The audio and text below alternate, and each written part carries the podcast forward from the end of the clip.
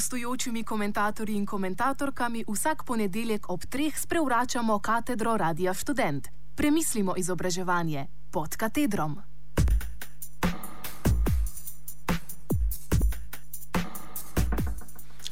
Govoril bom o dilemah doktorskega študenta na današnji univerzi.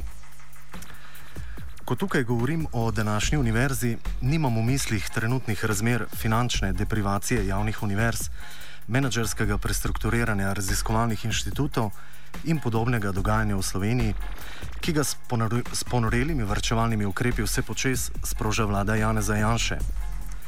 Trenutne razmere tako neposredno udarjajo želodce zaposlenih na univerzi in inštitutih, da so se na vides politično angažirali celo univerzitetni profesori in znanstveniki. Pravim na vides politično, saj delujejo striktno sindikalno, to je osko interesno. Kriterij njihovega javnega delovanja ni pravičnost, solidarnost ali nasploh razsodnost v skupnih zadevah. To vrstna politična razsodnost je danes prepuščena državljanom Slovenije in ne več pseudo-avangardi svečenikov znanosti.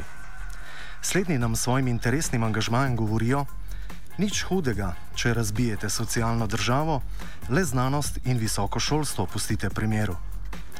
In še to je vprašanje, kateri in kakšni znanosti v bran se postavljajo današnji univerzitetni profesori in znanstveniki. Znanosti kot znanosti ali novi tehnoznanosti, ki se vse bolj razume kot družbeno-gospodarski resurs. Znanost kot znanost, tako se meni zdi, je danes še najbolj ogrožena strani današnjih do družbe servilnih znanstvenikov in univerzitetnih profesorjev, kar potrjujejo tudi izjeme med njimi.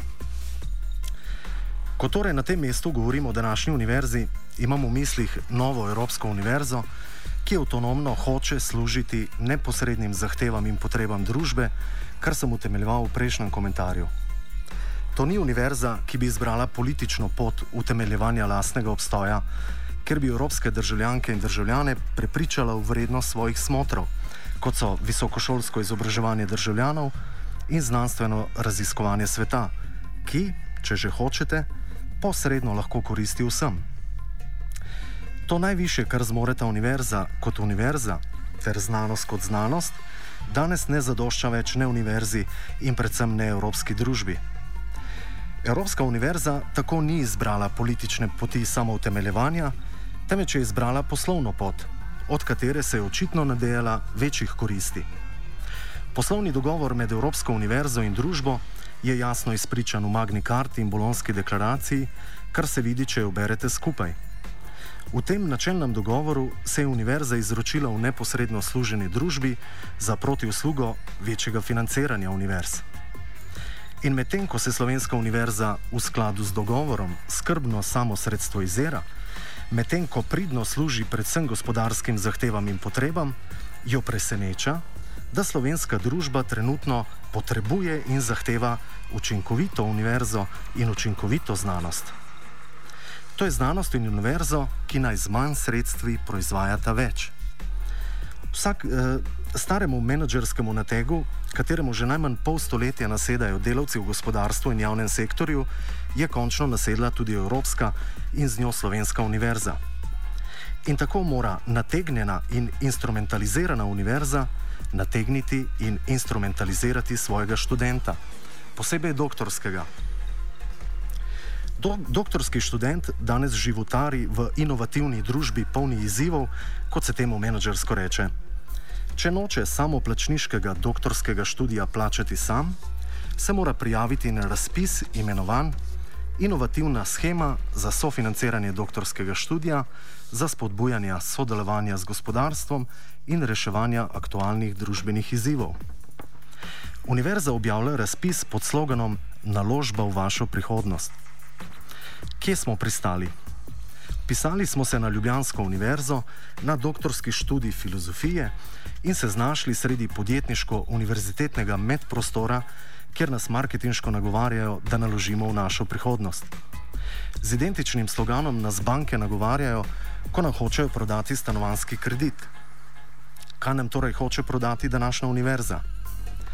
Inovativno scheme za sofinanciranje doktorskega študija je banalno preprosta. Če je bilo v preteklosti na doktorskem študiju potrebno prispevati k znanosti, je danes poleg tega potrebno prispevati še k gospodarstvu.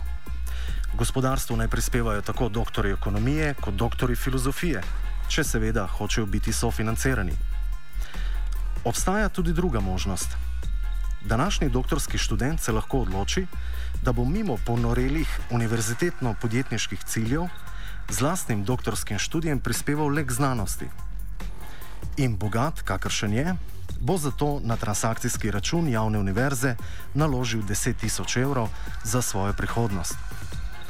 Toda študent nima 10 tisoč evrov.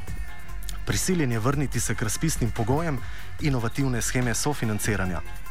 Svojo dispozicijo doktorske naloge, s katero je za potrebe upisa na študij že izkazal bodoči prispevek znanosti, mora dodatno nategniti, da bo z njo izkazal istočasno še prispevek k gospodarstvu. Kaj to pomeni?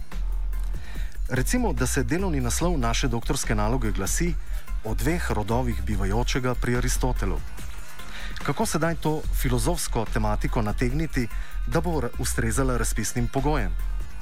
Kaj nam pravi razpis? Inovativna schema sofinanciranja doktorskega študija je del operativnega programa razvoja človeških virov Republike Slovenije. Namenili smo se izobraziti in doktorirati, kar danes očitno pomeni instrumentalizirati se in postati kreatura, imenovana človeški vir. Temeljni cilj ali razvojna prioriteta programa človeških virov je, navajam, spodbujanje podjetništva in prilagodljivosti. Naj se torej prilagodimo in podjetniško spodbudimo našega Aristotela tako, da bo ustrezal inovativnim razpisnim pogojem. Toda meje človeške kreativnosti in meje kreativnosti človeškega vira niso iste meje.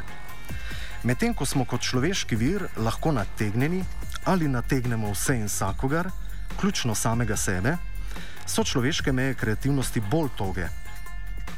Nikakršnega smisla ni v tem, da bi človek, ki še zmore govoriti in misliti, nategoval samega sebe ali kogarkoli drugega.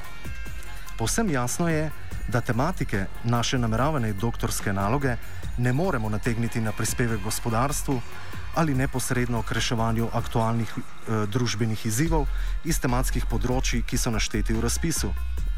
Niti k kulturni dediščini ne moremo prispevati s proučevanjem poganskega, predkulturnega grškega filozofa.